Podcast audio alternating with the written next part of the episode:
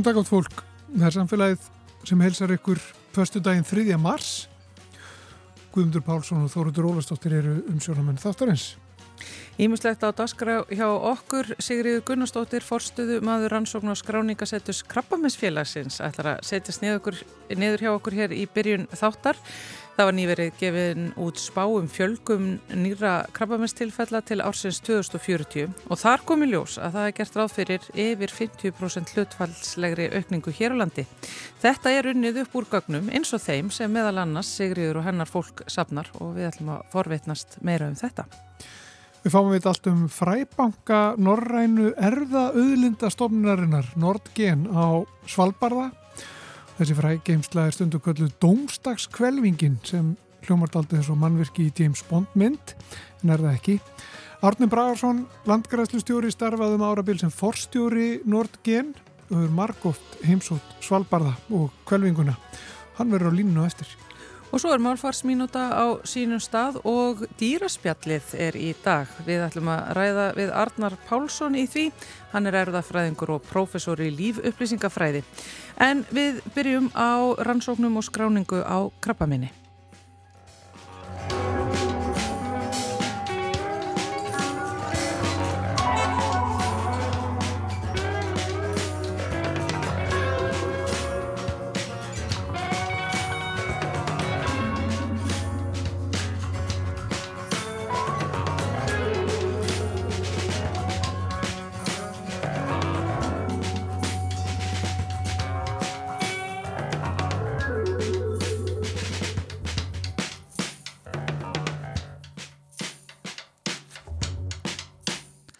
Sælvertu Sigriður Gunnarsdóttir, forstöðumæður rannsókna og skráningasettu Skrabbamennsfélagsins. Sælverði, takk fyrir að hafa mig. Verstu velkomin. Við ætlum að byrja að ræða aðeins eh, þessa nýju könnun sem mm. bara er ríkalegt einhvern veginn að heyra mm. að krabbamestilfellum er eftir að fjölga sem sagt yfir 50% mm -hmm. hlutvarslega aukning hér á landi til ásins 2040. Þetta er erfitt aldrei fyrir almenninga að ná utanum þetta. Mhm. Hvernig getur þetta gerst? Þetta er sláandi tölur og þetta náttúrulega þýðir að það verður mjög mikið svona aukin þjónustu þörf til þess að mæta þessu bara í kerfin okkar. Já. Þetta þýðir hins vegar ekki að það sé ykkur aukin áhætta fyrir okkur sem einstaklinga Nei. að fá krabba minn. Okay. Og þetta tengist fyrst og fremst því að við erum að eldast. Eh, þjóðin er að eldast og krabba minn er uh, sjúkdómur eldra fólks. Þannig að það er meginskýringin en svo það sem að kannski slærman er það að, að þessi hlutvarslega aukning á Íslandi er svo miklu meiri heldur en í nágrannalöndunum. Hvað veldur? Það er samsetningin á þjóðin okkar og þessi gögn eru runninu upp úr Nordkan gagnagrunni sem er samstagsverkefni á milli, milli Norrænu krabbamenns grána og við sagt, söpnum þessum upplýsingum hjá okkur á krabbamins eh, rannsónarskrafningasetrinu uh, það er sagt, þegar við lítum á bara Norðurlöndin að þá eru við með langsamlega uh, hlutfærslega mesta aukningu fyrir sjáanlega á næstu árum. Og síðan uh, ef við berjum þetta sama við bara Evrópusambandi til dæmis að það er spáð 21% aukningu á sama tíma. Þannig að það munar þarna mjög miklu En þetta skýrist af því bara hvernig þjóðin okkar er samsett. Bara er það samsetningin okkar? Nei, aldur samsetningin. Aldur samsetningin. Þannig að við erum bara að fara inn í tímabil þar sem að uh, öldruðum, uh, eldri en 65 ára, fjölgar hlutfalslega miklu meira á Íslandi heldur en í nákvæmlandunum.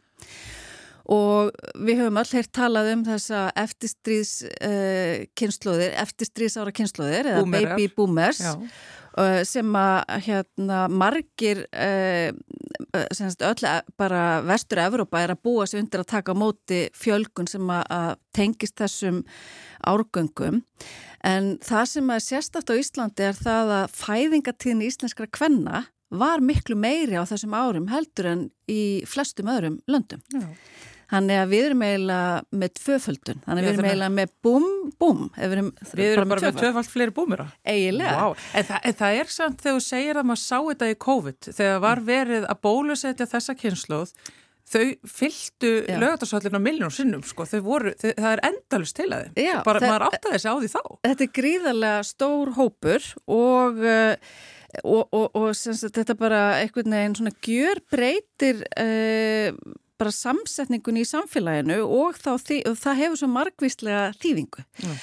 og við erum svona kannski núna alveg á síðustu misserum farin að átt okkur á því að þetta er að gerast. Það hefur, þó, þó að það sé svolítið hlægilegt vegna þess að þetta er náttúrulega leiðið fyrir bara frá því við miða síðustu öll en þetta er svona hópur sem að kemur sífælt óvart. Um, en Í því samengi hefur við mjög mikið farið að tala um að þetta fólk þurfi mögulega að fara á hjúgrunarheimili eða fá heimahjúgrun og verða svona hrumir aldraðir. Mm. En það er bara brot af myndinu vegna þess að þetta er náttúrulega sá hópur sem að nota líka um, hefur í þörf fyrir mikla sérhæða til dæmi sjúkrástjónustu og krabbamenns meðferð er kannski eitt skýrasta dæmi um það. Það er náttúrulega eitthvað sem þarf að undirbúa sig mikið fyrir þannig að krabbaminnur og eldrunar sjúkdómur við erum með mjög gamla þjóð þannig að mm. þetta er að fara að vera mm. eitthvað sem við þurfum að takast á við, getur við það er mm. heilbreyðskjörið við okkur undirbúið undir þetta hvenar hellist þetta yfir okkur? Við, þetta, þetta er bara næstu tíu ári ég, Þetta er bara byrjað. Já, og við höfum alveg fundið það að það er bara stígandi í þessu. Og uh, það er kannski eitt í þessu, við erum ekki eld, eldri þjóð, við erum nefnilega einmitt yngri þjóð en við eldumst hlutvarslega svo hratt af er... því að við erum með svona stóra árganga. En ég, sko, við, það er kannski þekkja það allir sem að, að vilja að, að heilbyrðis kerfið okkar enn og svona alveg á uh, þálmörkum, það hefur svona verið mikið í umræðinni Þannig að við þurfum svo sannlega að uh, hefja aðgerðir mjög hratt til þess að breyðast við þessu vegna þess að við sem að verðum á uh, þessum aldri sem er algengast að greinast með krabbamenn, uh, svona tæplega 70, við sem að verðum á þeim aldri árið 2040 og ég er eina af þeim, Já. að við viljum náttúrulega geta gengið að sambarilegri þjónustu og erfið að veita í dag sem er góð og uh, árangur í meðferð krabbameina á Íslandi er mjög góður. Þannig að við viljum viðhalda því. Og þar kemur náttúrulega ekki bara til kasta helburiskerfisi sem að það nú aldrei að, að já, uh, fá tækifæri til þess að taka á, á móti þessu. Heldur líka náttúrulega því sem að þið eruð að rannsaka og skrá niður uh, í, í rannsókn og skráningasetrinu þarna hjá Krabbaminsfélaginu sem að þú ert yfir mm -hmm. og þar koma öll þessi gögn sem að segja okkur frá til dæmis eins og þessu Já. Þarna getum við bara lesið það úr því sem að liggur fyrir hjá ykkur. Við skráum sem sagt allt krabbamenn á Íslandi meira og minna. Og það uh, starfið þarna í rannsónarskráningasetrinu byggir á í raun og veru gömlu krabbamenn skráni sem er mjög merkileg.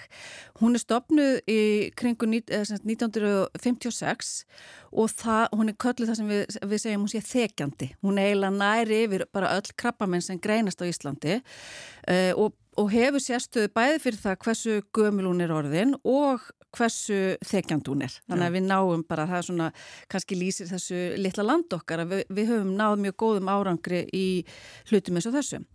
E, þannig að við höfum geta fylst með þessari þróun e, yfir mjög langan tíma og síðan eins og ég kom inn á áðan að þá eru við í alþjóðlegu samstarfi við aðrar krabbamennsgrár á bæ, mest á Norðurlöndunum en síðan í alþjóðlegu samstarfi bara um miðlun gagna inn í alþjóðlega gagnabanka þar mm. sem við getum fylst með okkur í samanburði við aðra og þess vegna getum við dreyið þessar álíktanir sem ég er að hérna, uh, draga hérna Uh, þannig að við getum fylst mjög vel með og, og getum líka spáð fyrir um hvernig þetta munir þróast í framtíðinni. Og þessi, þessar spár sem við erum að byrta núna það er byggja á þessum norræna gagnagrunni þar sem við erum bæði að horfa á e, bara hvernig e, nýgengi hefur verið á krabbamenni e, hinga til mm.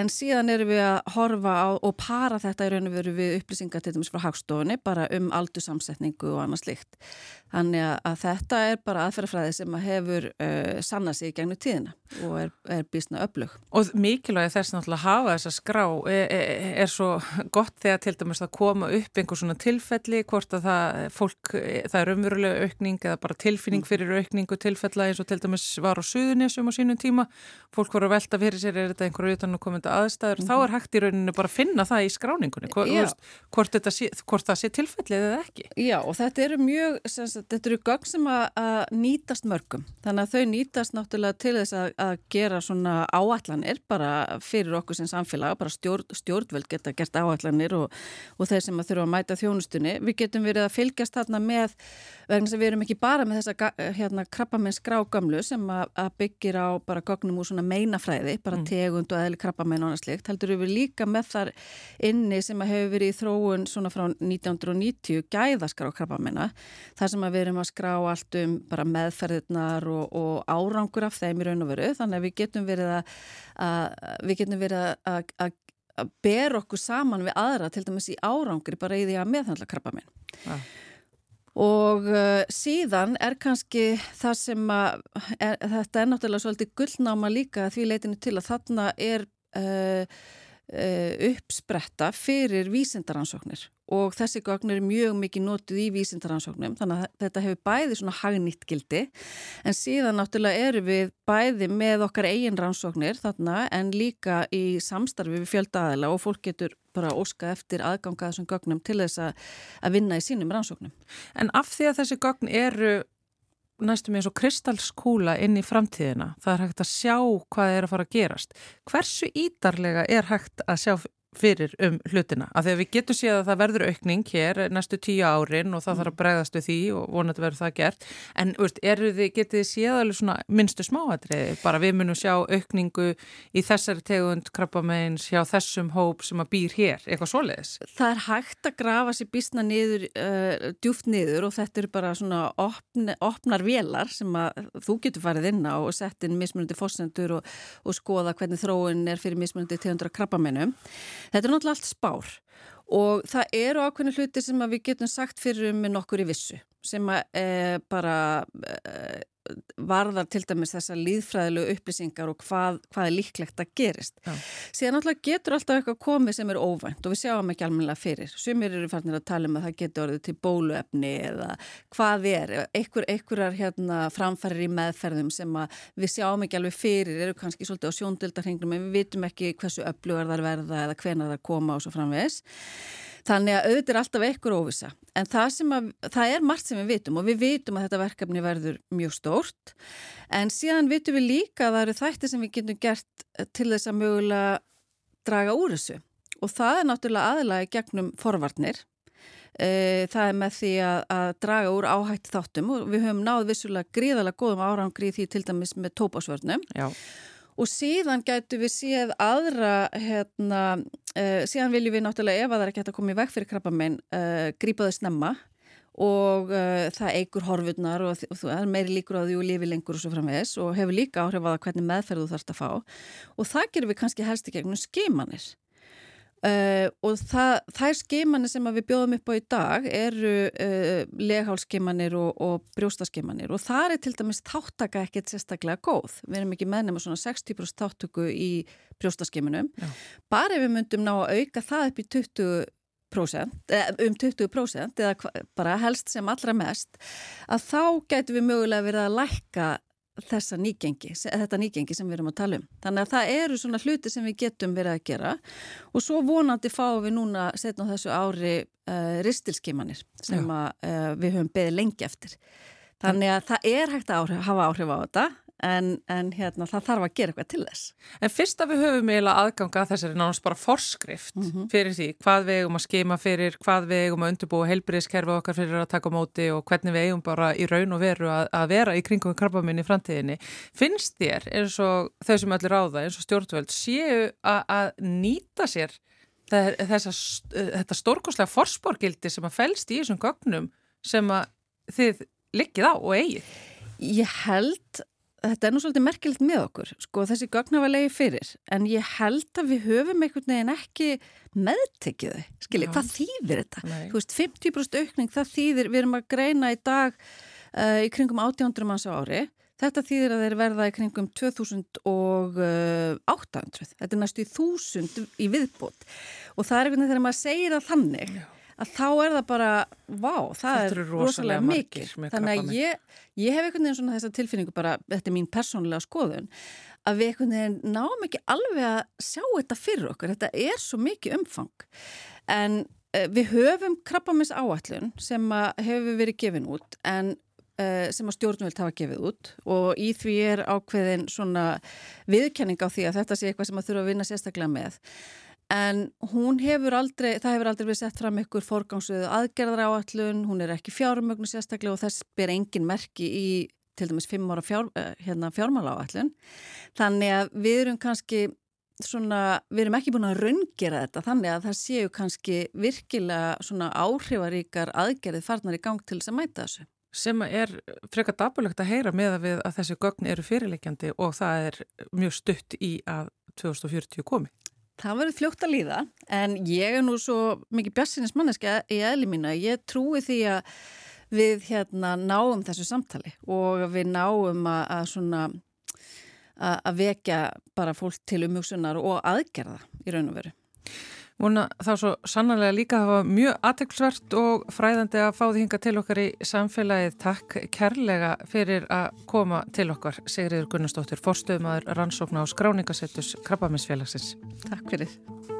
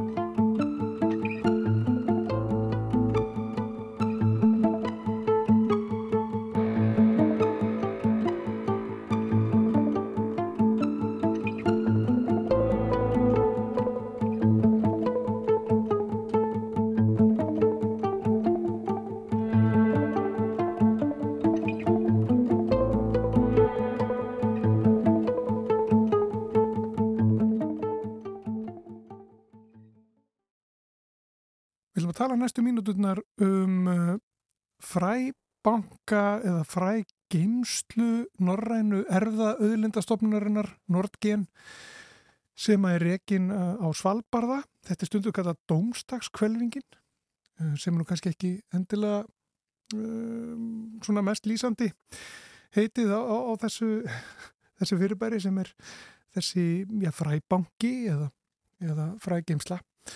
Við erum konið sambandýr við Árna Bragason, hann eh, er landgræslustjóri og var forstjóri Nordgen fyrir nokkrum áru síðan. Eftir að þessi, þessi fræbanki eh, var, var stopnaður, kontur sætla blæsaður? Sætvertu. Hvaða uh, fyrirbæri er þetta? Þessi, þessi geimsla sem er stundu kvöldu domstagskvelvingin en, en snýstu það að varðveita uh, já, fræ og, og erða efni plantna? Já. Já, við þurfum að eh, varðveita erðaefni og geima og eh, ástæðan fyrir því að við erum að þessu er það að við viljum halda í eða e, tryggja það að sá breytileiki sem að skapaður hefur verið af mönnum á undarförnum, já, við getum sagt 10.000 árum, það eru 10.000 ár síðan að menn byrjuð að nota eða nýta sér plöntur eins og uh, kveiti og bygg og þessar Eh, tegundir sem við eh, erum með í, meina, meina í öllum mat hjá okkur og e, stór hluti af kaloríum sem að borðaðir er af jörðinni koma einmitt úr þessum þessum blöndum. Það eru 10.000 ár síðan sem kveiti var byrjað að nota, það eru durran sem er notið mjög mikið í Afriku, það er 6.000 ár síðan hún var menn fór að nota hana mægisinn, það er millir 7 og 8.000 ár síðan að menn fór að nota það og, hrísgrónin eitthvað 8 til 9.000 ár. E, menn hafa búið til og aðlagað breytileika eða sem búið til afbyrði e, með árunum og aðlaga þessar helstu tegundir að þeim aðstæðum sem er búið, menn fara kannski upp í fjöllin eða það eru alveg við ströndina og það eru mismunandi skilir og menn velja það sem stennst best og þólir best þessar aðstæður og það er í rauninni það sem þetta verkefning gengur út á. Það er að varveita þann, þann erðarbreytileika sem búin hefur verið til og uh, ástæðan fyrir því við verum að þessu er það að við viljum í ljósi lofslagsbreytinga og það er ju hraðar umhverfisbreytingar sem eiga sér stað. Það hafa vissulega alltaf verið stöður, allt, allt er breytingum háð. En það er sérstaklega mikilvægt núna í ljósi lofslagsbreytinga að halda í þennan erðabreytileika því að það tekur tíma að, að aðlaga e, afbreyðin að umhverfis aðstæðum. Mm. Og Fræbankin á Svalbarða er öryggisgeimsla. E, skilirði sem sett eru til þess að fá að setja e, fræ, fræpröfur sem eru nógu stóra til þess að innihalda allan þann breytileika sem í aðbreyðinu fælst. Það er yfirleitt 500 fræ cirka sem þurfa að vera í hverju pröfu til þess að ná yfir allan breytileikan sem er í viðkomandi afbreyði e, og skilirðið er það að þú standir almenlega að fjölgun að þessu heima fyrir. Og það er kannski mesta gagnið sem að, sem að þessi fræbanki hefur gert, menn taka sér til, rækta upp og varvita heima fyrir og gera þá aðgengilegt fyrir tilkynbóta starfs e, fræpröfur og yfirleitt er, er þetta e, gemt á þremur stöðum og það er til dæmis gert þannig í Norranna gembankanum Nordgen sem er sameign Norrannu þjóðana. Þar eru það sem við kallum virkasafnið er varveitt í Alnarp í Svíþjóð síðan er fyrsta öryggispröfa er gemt á Fjóni í Danmörku og síðan er öryggis sínisotnið eða öryggis já, samt að annað, annað öryggis e, sínisotnið, það er gemt á solbarða. Og núna eru komnar tæplega 6.000 tegundir í frækjumsluna á Svalbardha og það er annað skilirði sem er sett þarna líka. Það er það að það er einungis genbankar eða þjóðir sem geta sendt inn fræbrúur. Einstaklingar geta ekki sendt þarna inn og það eru 93 genbankar sem að e, eiga núna sínisotna á Svalbardha og ég segi eiga vegna þess að frægemslan hún á ekki neitt þar sem kemur þarna inn. Þetta er, er e, gemsla sem er byggð á normunum til þess að gefa kost á að e, geima þarna á örugum stað sínisotn og sá eini aðili sem getur tekið út fræpröfu úr genbankanum er eigandi þeirra, þessara pröfu. E, það hefur verið tekið út úr e, bankanum og það gerðist þegar að e, stríðið í Sýrlandi geysaði. Þá var fræbankin í Aleppo í Sýrlandi, hann var í hættu vegna stríðsins og eigandin sem er, þá, er alþjóðastofnun sem að, e, sem að var með pröfur þarna og þetta voru verðmættustu pröfur fyrir e, þurkasvæði miðausturlanda, sínisotn af kveiti og nokkrum fleiri tegundum. Og menn gátt ekki komist í fræbankan í Aleppo og tók, fengu þá sínisot frá Svalbardha til þess að rækta upp og það var sendt til Líbanon og til Marokko og haldið áfram að rækta það þar og síðan var, var öryggispröfu að senda aftur til Svolbara. Þetta er í rauninni eh, tilgangurinn með þessu. Það er að ef að koma upp svona aðstæður að þá er hægt að e, taka út úr bankanum, fjölga e, og til þess að varvita fyrir, fyrir nótkunn þá og það eru þetta meiningin að nota þessi, þetta erðaefni til mannfólki til góða eða okkur. Og, og þarna er þá verið að, sko, að taka út úr, úr, úr þessum banka uh, fræ uh, tegunda sem að henda til ræktunar á, á ákveðnum stöðum eða hvað? Og eru já, þannig gerð já. að að erða uppbygging er þannig eða þau eru þannig að, að þeir eru gerð sem að hendar á ákveðnum svæðum já. undir ákveðnum skilirum? Já, og þarna eru núna inn í, í fræbankanum uh, rétt hæflega uh, það sem 1.195.000 afbreyði. Uh, þetta er, þetta er mörg afbreyði en þegar við förum að hugsa það hvað, hvernig eru aðstæður í heiminum?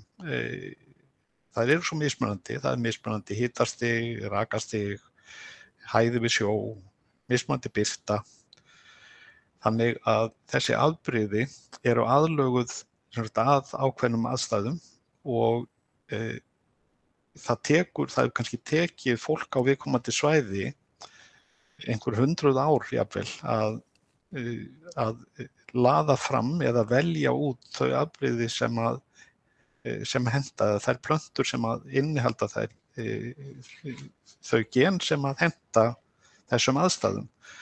Og og núna þegar það er að verða breytingar, hraðar breytingar á lofslægi, að þá e, e, fara menn að hugsa það hvaðan geti fengið efni sem að, e, eða erðaefni sem hendar þessu nýju aðstæðum og þá eru þetta best að fara í tala við næsta genbanka. Það er það sem flestir gera, öll kynbóta fyrirtæki og þeir sem er að reyna aðlaga landbúnað og ég já þetta eru í landbúnaðarblöndur, þetta er matarblöndur, þetta er sagt sá hluti það er ekki almennt aðra tegundir og það er í heiminum eru 7000 tegundir sem að fólk getur borðað Já.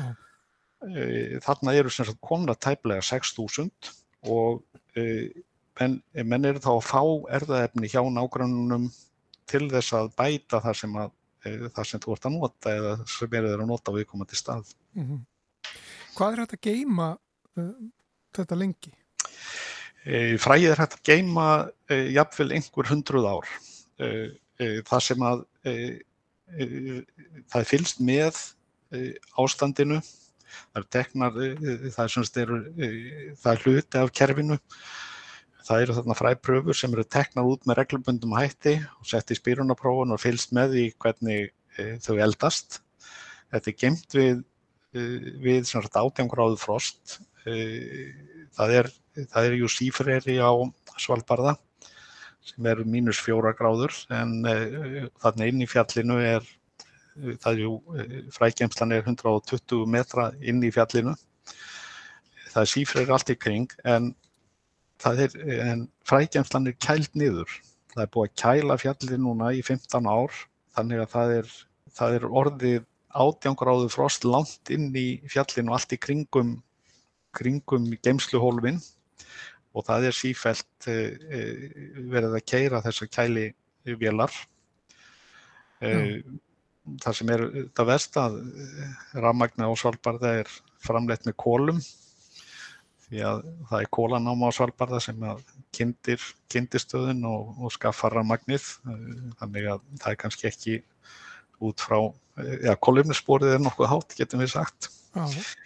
en Eh, þetta er nöðsynlegt að hafa eh, frost á þessu til þess að og það sem frosti gerir við fræið er það, eða þetta lága hýtast er það, það mingar eh, lífvirknin í fræinu, það, það, það er lifandi en virknin er í fræinu er algjörlega í lámarki og þess vegna getur það geimst svo langan tíma alveg öruglega vel yfir hundrað ár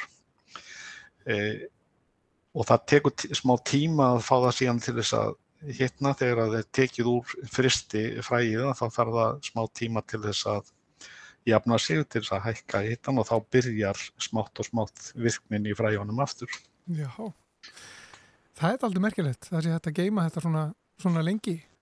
Já. En, en, það lítur líka að vera þá vera verðmætti fólkin í því að varveita þá erðaefnið þó að, að fræðin sé ekki endilega virk.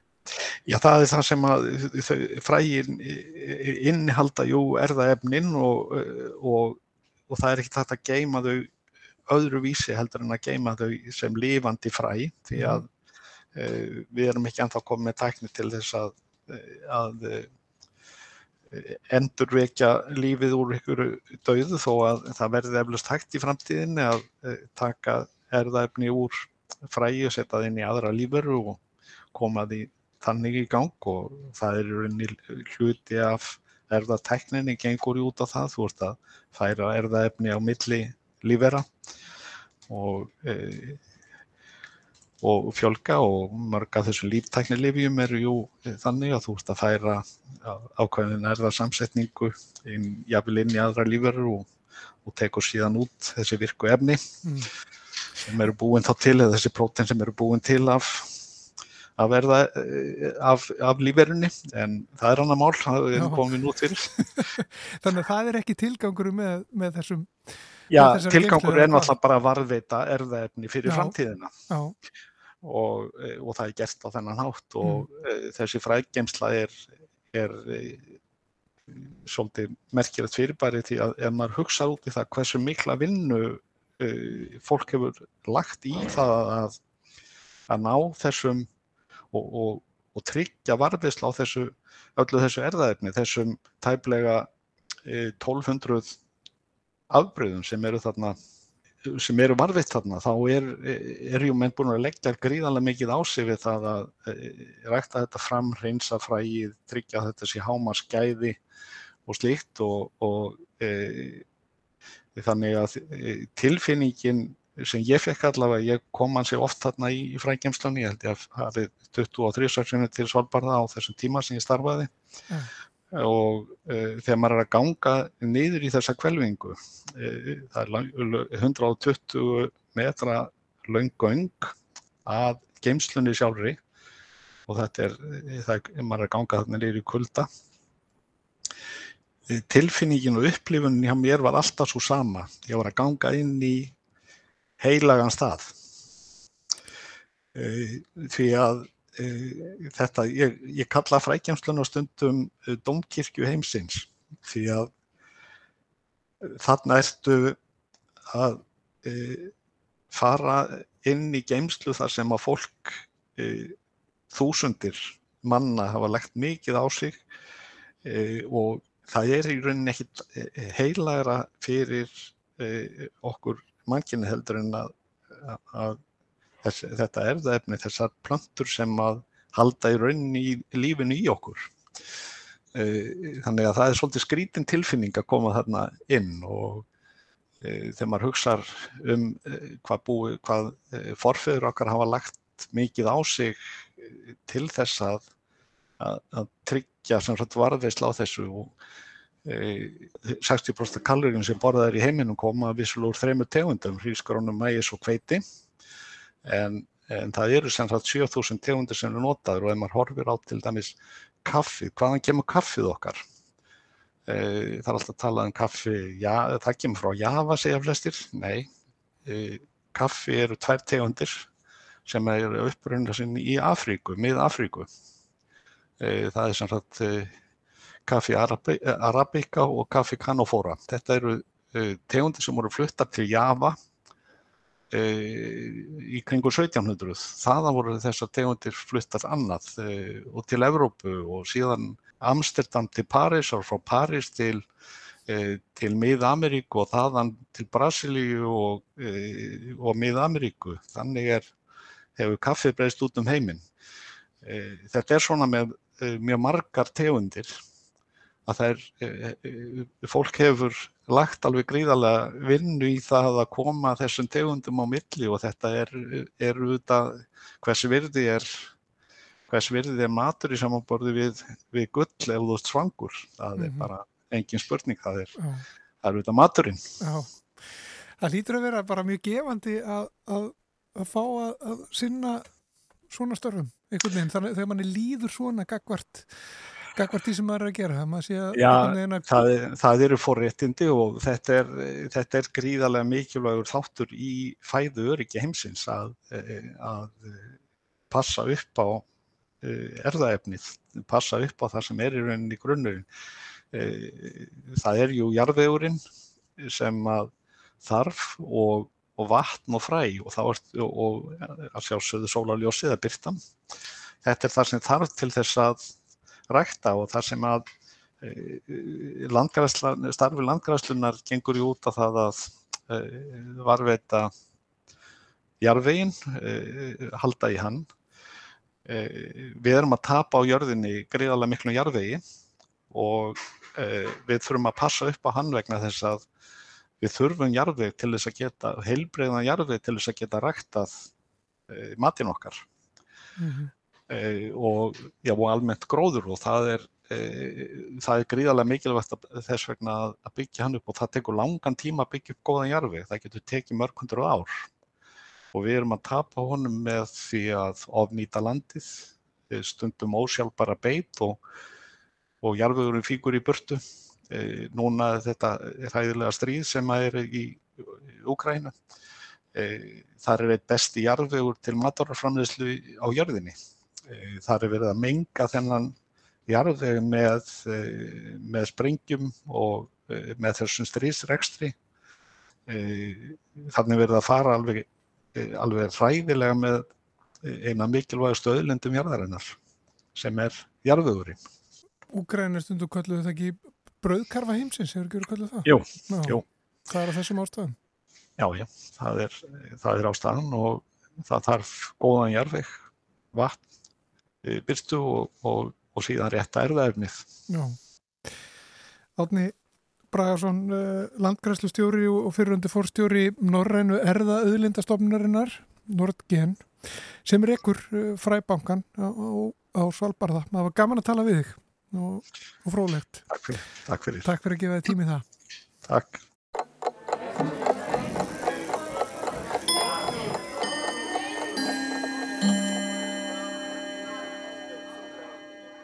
Orðin beður, beð og betti eru í raun eitt og sama orðið, að uppruna, en hafa hvert sína merkingu.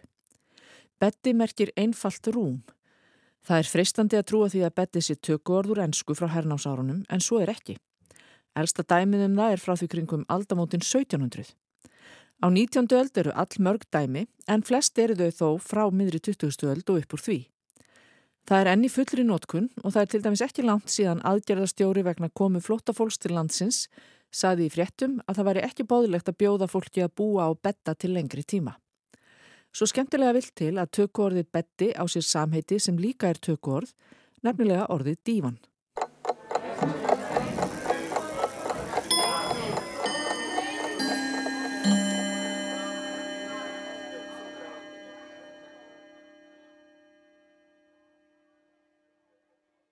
Og þá er komið að dýraspjallinu hérna hjá okkur í samfélaginu. Þið svo kallaða dýraspjall, við erum nú ekkert alltaf að tala um dýr og þó oft líka. Þetta er eiginlega lífríkið allt bara sem er undir. En það erum við að tala við vísendafólkið okkar, náttúruvísendafólkið okkar, líffræðingana. Við séum svo draugum þau hérna inn í stúdíu til okkar og uh, fáum bara svolítið að spyrja þau úti hvað þau eru að spá, hvað þau eru að gera og rannsaka hvað þau langar til þess að vita meira um. Og fórnalamp vikunar er Arnar Pálsson, professor í lífupplýsingafræði eins og stendur á vefsíðu Háskólans. Hlustendum samfélagsins náttúrulega góðu kunnugur oft fengin hinga til skrafs og ráðagerða, en kannski ekki oft til þess að útskýra hvað þessi lífupplýsingafræði er, Arnar. Uh, hvað segir við uh, vinni fóröldraðina þau eru að spyrja þig? Já, hvað gerir er... þú vinnur? Já, hérna... Lífupplýsingafræði það er semst íslenska heitið á eitthvað sem heitir bioinformatics upp á, upp á, upp á ennsku og það fjallar þá um bara uh, hvers eðlis alls konar lífupplýsingar eru. Og þetta byrjaði mikið sem sagt, raðir gena eða raðir mRNA saminda eða eitthvað slíkt. En í svona víðum skilningi núna þá erum við með alls konar fleiri gerðir af upplýsingum undir þessum hatti. Og síðan verkfærin sem hafa þróast lýsa að nota upplýsingarnar Þannig að það er, það er sest, líffræði bakgrunnur og síðan tölvunafræði hérna, eða starffræði heimur sem að þurft að þróast mjög hratt síðustu 20, 25, 30 ár til þess að takast á við upplýsingar sem að tók að streyma inn mm. og þá er sífælt verið að þróa aðferði til þess að vinna með hérna, þessa gerða upplýsingum eða hinn að gerða upplýsingum og, og síðan uh, er mann alltaf að svara einhverjum spurningum um líferurnar eða sjúkdómana eða visskerfin eða eitthvað slíkt með þessum upplýsingum. Já, og þá eru þið í raunin að skoða sko, erðabreitileikan, mm. fjölbreytnina, hvernig lífurur hafa þróast, mm. allt þetta gefur ykkur einhverju hugumynd um hvernig við virkum og umhverfuð okkur og allt í kringum okkur. Já, þannig að þetta er, eh, við erum svolítið bara að takast á við lífræðilega spurningar frá A til Ö, þannig að getur verið bara inna, hérna, hvernig fjölgar E. coli bakteríja sér eða hvernig inna, hérna, bregst inna, hérna, gerfruma við þegar hún fer úr, loft, úr loftöndun í loftfyrðaöndun eða upp í hvernig húð mannsins breytist þegar hérna, sortvægsli fyrir gang eða eitthvað slíkt. Já, en uh, sko af því að við ætlum aðeins að svona fara inn í það sem er yfirskrifst þessar samtalsokkar mm. sem eru dýrin, mm. það eru þau sem eru að gefa okkur svörin við þessum spurningum í mörgum tilfellum, ekki satt? Jú, það er svona, eh, kannski tökum svona aldrei vitt hortna á þetta, þannig að uh, lífræðingar eða læknar eða náttúrufræðingar er að leita svara við einhverjum spurningum og þetta, þetta getur verið náttúrulega svona afmarkað inna, hvað er að drepa súlurnar í eldei eh, en það getur líka verið þú vilt vita hvernig litningaendar virka eða vilt vita hvernig lífeylisfræði hjartans eða lífararinnar eða eitthvað svolítið er, er, er að fungera og þá þurfa lífræðingar að fara og finna lífeyru sem er bestlis að svara þeim spurningum. Bara eins og Elizabeth Blackburn fikk Nobelsvælun fyrir að, að, hérna, skilgreina litningaenda hún nýtti sér þekkingu sína á lífrikinu og fór í frumdýr sem eru með þannig skipulað en að það er, er ein frumungar Já. með eina frumu sem er reynda smá kunstöð það því að þessi sem hún valdi er með tvo kjarnar í einni frumu. Og annar kjarnin er þannig að hérna, erðaefnið breytja niður í parta sem þýðir að litninga endar, að það er bara mjög, mjög margir litninga endar í þessum auka kjarnar þessara dýra eða, eða einfrumunga. Þannig að hún, hún, hún valdi sér tilrunalífuru út frá því hverju hún hafði áhuga á litninga endum og, og vann alla sína vinnu þarna á okkur með einfrumungu sem að enginn hefur áhuga á þannig séð, eða mjög fáir en síðan það sem hún uppgötaði var síðan kerfi sem eru sameileg með öllum heilkjörnungum sem við finnum í hérna, frumunum okkar, finnast í flugum og fiskum og blómum og alls konar. Þannig að hérna, bara með því að hafa þekkingu á lífheiminum öllum þá getum við valið kerfi sem henda fyrir spurningarna sem við höfum mestan áhuga. Þannig að ef maður myndi henda út einhverju spurningu, mm. uh, bara til dæmi sko, ákverju sé ég þetta litróf en mm. ekki annað, því ég sem manneskja, að þá myndi þið taka þá spurningu og finna lífveruna sem að þið getur gert tilrauninnar á og skoðað erðamengið í og þarfram til að svara þessu. Já, já, einmitt, þannig að þetta þá, já, lífeylisfræði uh, litasjónar, menna fólk hefur farið í mjög marga hópa lífera og, og skoða þetta þá í, í hundum eða öpum eða og getur borið saman erðamengin og spurt hvaða gen eru til staðar sem eru skráð fyrir ljósnæmum prótinum, verða við sjáum að, að það er önnu samsetning í hundum heldur en í okkur og öðrum fremdardýrum.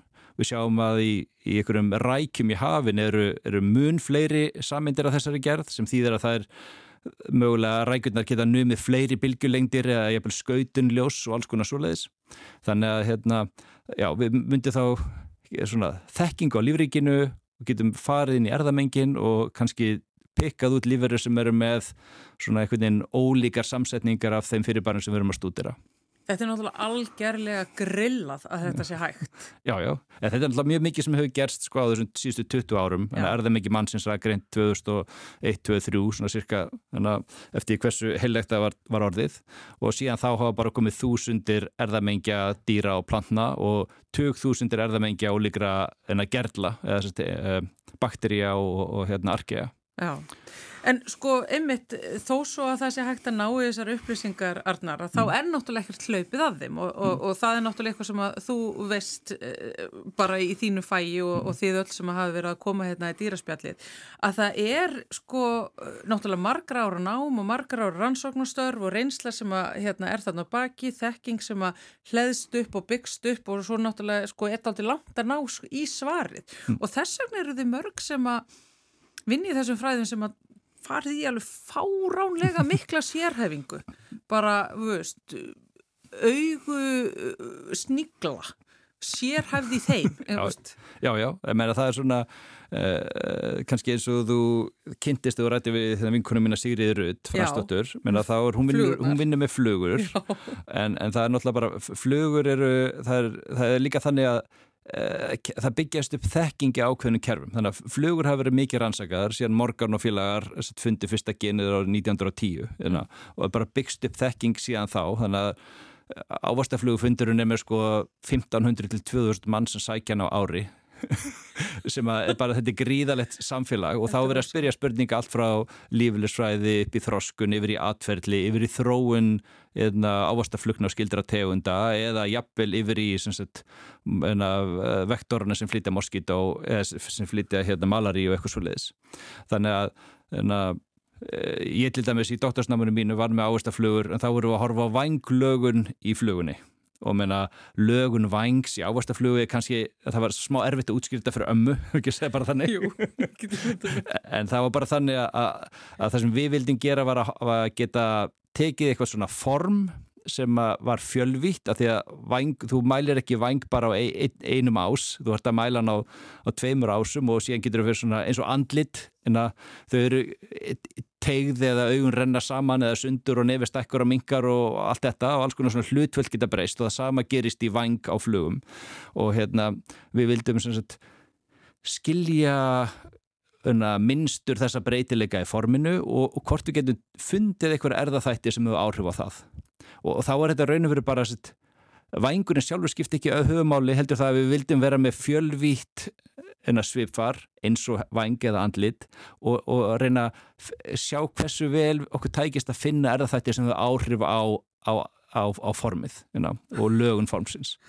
En þannig að hérna, þetta var frábær fimm ár og 40.000 flugum setna þá var ég orðin doktor. Þetta er svo skrítið. Margt af því sem að þið takkið ykkur fyrir hendur. Já, já, menn þetta er svona, við, það þarf ákveðna svona sérhafingu og skilninga á tilteknum kerfum til þess að geta svarað sko uh, uh, spurningu sem eru ekki bara á fyrsta þrepi, þannig að uh, bara Uh, hvernig lifir þessi fluga, hversu lengi lifir þessi fluga um leið á þetta byggja upp þekkingu eins og hérna, Sigriður fór kannski betur ofan í þá, þá, þá skiljum við hvernig þroskunin er og hvernig lífælisfæðin er. Og þá getur við þrepaði upp og farið í þess að hérna, lítur út eins og kaninuhólur fyrir hérna, leikmanni. En, en þá erum við komin á kannski svona háþróðaðri spurningu vísindarlega sem við getum spurt í þessu kerfi af því að við hefum svo mikla þekkingu á kerfinu. Já og hérna og, og menna, þá voru þessar rannsóknir á, á flugumagnum voru það dæmið um það sem við getum spurt með háþróðara spurninga því við skiljum líka svo margt. Að þegar uh, við vissum hver, hverjir voru henni grunuðu í, í leikritinu og gáttum sko fókusar að daldi á henni grunuðu í leit okkar að genuna sem hefur áhrif á, á lögunina. Af því að það var svo mikil þekking til staðar.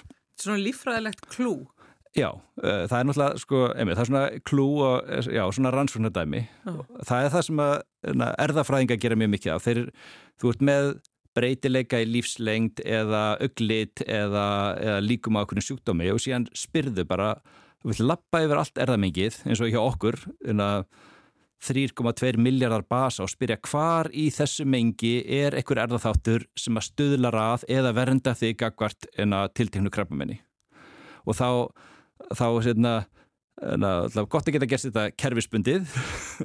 Eða þú ert með einhverjar fór hérna, eh, niðurstöður sem að geta beintir ákveðna brautir, þannig að er þetta samþægt að það séðan inn og síðan vinnum að þessi áfram, daldið svona eins og spæjari. Þetta verður með opin huga en líka geta nýttir aðra þekkingu. Já Þetta er alveg magna, bara svona rannsóknulöka, þetta er, já, það er allt í þessu. Já. En af því þú talaður um að það kannski ekki svona hlaupi að þið kannski að útskýra þetta fyrir leikmanni eða mm. ömmuðinni, já. en hvað segir við veist, fúla frændaðin sem að segir Arnar, hm. þú veist að skoða flugavangi í fimm ár, hvað gagnast það mér á samfélaginu? Já, hvað, hvað er upp úr því að hafa? Hérna? Já, það er hérna, eh, menna, eins, eins og í þessari, þessari stúdíu, þá, þá sem sagt, fundu við, það var ekki það var ekki á vísunarofi, en við fundum erðaþætti sem það áhrif á vanglögunina og við staðfestum áhrif þeirra inn á tilhörnstofunu út í náttúrunni og það var, það var bara svona lítið breakthrough í vísindunum, það hefði ekki verið gert áður hérna, og þá svona áttu okkur líka bara á eðli sem sagt eina sambands erðabreitileika og svifars hérna, að því að það er hérna e, það samband hefur verið á huldu, það er, það er að verða skýrar og skýrar núna fyrir, fyrir ólíka einkenni en hérna, en þetta er svona varpaði ljósi á hvernig við e, breytileikin í genunum hefur áhrif á, á útlitið á, á dýrunum ah. Það er einmitt málið, þetta endur oft líka bara í stóru málunum, stóru mm. uppkvötunum, lifin sem að bjarga lífum og, og, og hérna vittneska sem að breytir heiminum. Já, já, já það er svona, náttúrulega vísindin þau svona vinna á svona, svona á sem að flýtur einhvern veginn svona samhliða niður inn að landslæðið einhvern veginn. En það er ekki, það er ekki eitt drópi sem skiptur öllum álið, það eru bara margir drópar í áni sem að færa hana áfram og vísindin vinna þannig að hérna e, e, það er svona e, það er ákveðin tilhengi til að horfa á eitthvað svona stóra merkilega kalla sem driffjöður í vísindum, bara Darwin og Mendel og Newton og eitthvað svo leiðis en, en í raun og veru á það ekki við lengur. Vísindi eru sko sem sagt afrækstu breyðfylkingar þar sem að allir eru að hjálpa stað og, og hérna, í öxl að tala saman og, og, og hjálpa stað þannig að allar stúdíur sem við gerðum eða erum að gera eru gerðar í, í hópavinnu. Með, það eru nokkri profesorar, ég og Sigriður og eða Sofanías og ég og síðan erum við að hjálpa Völu Andresar og eitthvað svona. Þannig að og þá erum við bara að hjálpa stað við að reyna að svara einhvern spurningum um, um hvaða viðfangsefni sem er. Já, þetta er ekki svona egoista, hérna, soloista eh, sport e, þessi náttúruvísindi. Já, það, það er alveg soloistar og egoistar og það heyrist alveg í þeim. Já, nefnitt. En hérna, hérna framþróunin hérna, gerist, hérna er árakstur hópsins, hérna, yfirleitt. Já. En Arnar, sko, af því að þú hefur náttúrulega farið hún í, já, alls konar kanninuhólu, skulum við segja, ja, ja. Í, í, í þínum störfum. Mm. Ertu ofan í einhverju núna? Já, ég er í nokkrum hólum í augnablikinu. Ég er í einni fluguhólu og ég er í einni maurahólu og síðan eru við að vinna svona lagsfiskaransóknum með, hérna, með Sigriði, Sigriði, Sigurði Snorrasinni og Sofanési Jónsinni. Þannig að við erum að skoða bleikjur og urriða hérlendis. Já. Það er náttúrulega, er þetta svona, er, er, er þetta stóra málið, er þetta viðkomumálið, hérna, þeir sem er alltaf verið að rífast um í fréttum að það sé verið að eiðilega íslenska stofnin? Já, þetta er svona, það er náttúrulega margi vinklar á þessu, þú, þú ættir að ræða við Sigurð um sko hrun í bleikunni á Þingvallavatni, notera það endilega, eða Finn Ingimarsson, en það sem við höfum mest verið að skoða er þá skildleiki stopnana, menna hversu margir ólíkir stopnar bleikja eru á Íslandi, eða hérna, hversu ólíkir stopnar finnast innan vatna til dæmis. Hérna, og það er eiginlega það sem var kvatina þessu verkefni að hérna, Sigurður Snorarsson og félagar höfðu átt að segja á því að eftir að Ísöld slefti þá komi fiskar til landsins og þeir syndu upp árnar og einhverjum tilfellum eru einangraðar í vötnum eins og þingvallavatni eða mývatni eða svínavatni eða einhverju svoleiðis. Mm. og síðan á bara fáránlega fáum kynnslóðum urðu til afbreyði inn í þeim vötnum og hérna og Sigurður lýsir þessu oft sem svona náttúrulegri tilraun, þannig að þetta er eiginlega og, í þingvallavatni eru til fjögur afbreyða fiskum, í mm. svínavatni eru þrjú afbreyði, í, í mývatni eru tvö og, og síðan nokkur önnur vöttar sem eru 1,5 afbreyði eða eitthvað. Og, og þá er þetta og við erum bensið með gögn núna sem að sína fram á að þetta er í raun og veru endur tekinn þróun sem að alltaf fer í svipaðar áttir þannig að ítrekka verður til fiskur sem að vil helst vera á botninum eða upp í vassbólnum og, og, og það sem að stó, stóra verkefni snýstum bara hversu oft gerðist þetta uh, gerðist þetta sambærilegan hátt aftur og aftur sem sagt uh, sömu gen eða sömu þróskunaferðlar eða sama atfyllisminstur eða hvað og hérna og það er semst það sem við höfum verið að grubla í síðustu 10-12 árin hérna. Vá, wow, það er nánast eins og að séu með bara svona náttúruleg forskrift. Já, já. Og þið eru það að sjá hana en líka finna alla breytileikana og hvernig, hver, veist, þetta, þetta er svona læra tungumál. Já, já, þetta er svona, enna, svona vandamáli segjum við, við þróun er eins og til dæmis maðurinn en að við þróðumst einu sinni en hérna það er svo, það er svo erfitt að segja sko, hversu minna líklegt var það að maðurinn hafi þróast eða var eitthvað svona eitthvað stefna í því að var það fyrir sjánlegt eða ekki fyrir sjánlegt en með því að sko bera saman þróunar atbyrði þar sem að sambarileg form verða til aftur og aftur í ólíkum vötnum til dæmis Já. þá getur við að fara að spyrja já, urðu botlegu afbyrðin í öllum þessum vötnum til á sambarilegan erðafræðalan hátt eða þróskunafræðalan hátt eða eitthvað slíkt. Ég er því miður ekki með svarið. Nei, nei, hérna. en þetta er alltaf ekki tilviljunum háð, nei, ekki alveg. Nei, það er allavega ljóst sko, þetta segir okkar allavega það sem að vistfræðingarnir segja sko að vistfræðilegu tækifærin eru eiginlega þú ert í vassbólnum og borðar einhverjar pöttur eða ert á botninum og borðar einhverjar sníkla og það verist hafa tósað hópan alltaf í sundur og búið til sambarileg form. Þannig að vistfræðileg krafturinn er mjög stöðugur og ítir alltaf í sömu áttir að þið virðist, mikið til sömu áttir. En, en síðan það sem við viljum spyrja er uh, er það sömu genin sem að brugðust við þegar þið þróðust í áttabotlægu formi í öllum þessum 5 eða 10 vötnum eða er það kannski ólík gen en samt samskonar ferli þroskunar eða er það kannski bara svipað atferli eða, eða eitthvað svo leiðs? Sko þú ert augljóslega mjög forvitin maður og þá er þetta fullkomi starf fyrir þig en mm. verður þú aldrei þreyttur á því að það kemur alltaf bara fleiri spurningar í hvert einasta sinn sem þú ert búin að landa einu svari? Nei, nei, þetta er svona eins og bara óendanlegi tölvuleikurinn. Segi maður sem spilar ekki tölvuleiki. Þú þarft þess ekki. Eina, hérna, bara því að það er alltaf, það er alltaf, alltaf eitthvað nýtt. Það er svona, það er ákveðin líking sem að hérna, eitthvað, eitthvað saði við með eitthvað mann sem var um eigu þekkingarinnar. Hérna, mannkinni byggir upp eitthvað þekkingu og, og vísindamennir eru þá að vinna á strandlengunni og en ef okkur áorkast eitthvað þá, þá, þá þennst strandlengjan út eða kemur nýr skæi eða eitthvað svo leiðis og eiga þekkingarinnar stækkar en náttúrulega eh, bara samkvæmt skilgrinningu það kemur nýr skæi þá kemur alltaf nýr strandlengja þannig að það bara verður alltaf eitthvað, eitthvað nýtt á, á mörgum lands og, og hafs hérna. Og, hérna, og það er alltaf bara skemmtilegt að hérna, geta rakið sér þangað og sé uh, koma það upp sambarlega spurningar aftur eða koma upp einhverjar algjörlega nýjar spurningar þegar við höfum brotist í gegn á, á einhverjum einum stað til dæmis.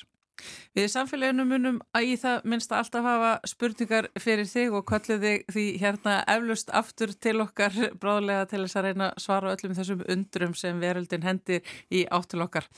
Takk fyrir í byli hér í dýra spjallinu Arnar Pálsson, professor í líf upplýsingafræði. Alltaf gaman að tala við Arnar Pálsson Takk fyrir það. Já, kemur ekki að dóma um kofanum. Nei, en uh, kofin sem er samfélagið þessa vikuna er að tæmast? Jú, við verðum að segja það. Uh, ekki bara emitt, í dag heldur þessa vikuna helgin framundan, uh, krefjumst þess reynlega hlustundur njóti hennar. Já, lítur út og glukkan þorður.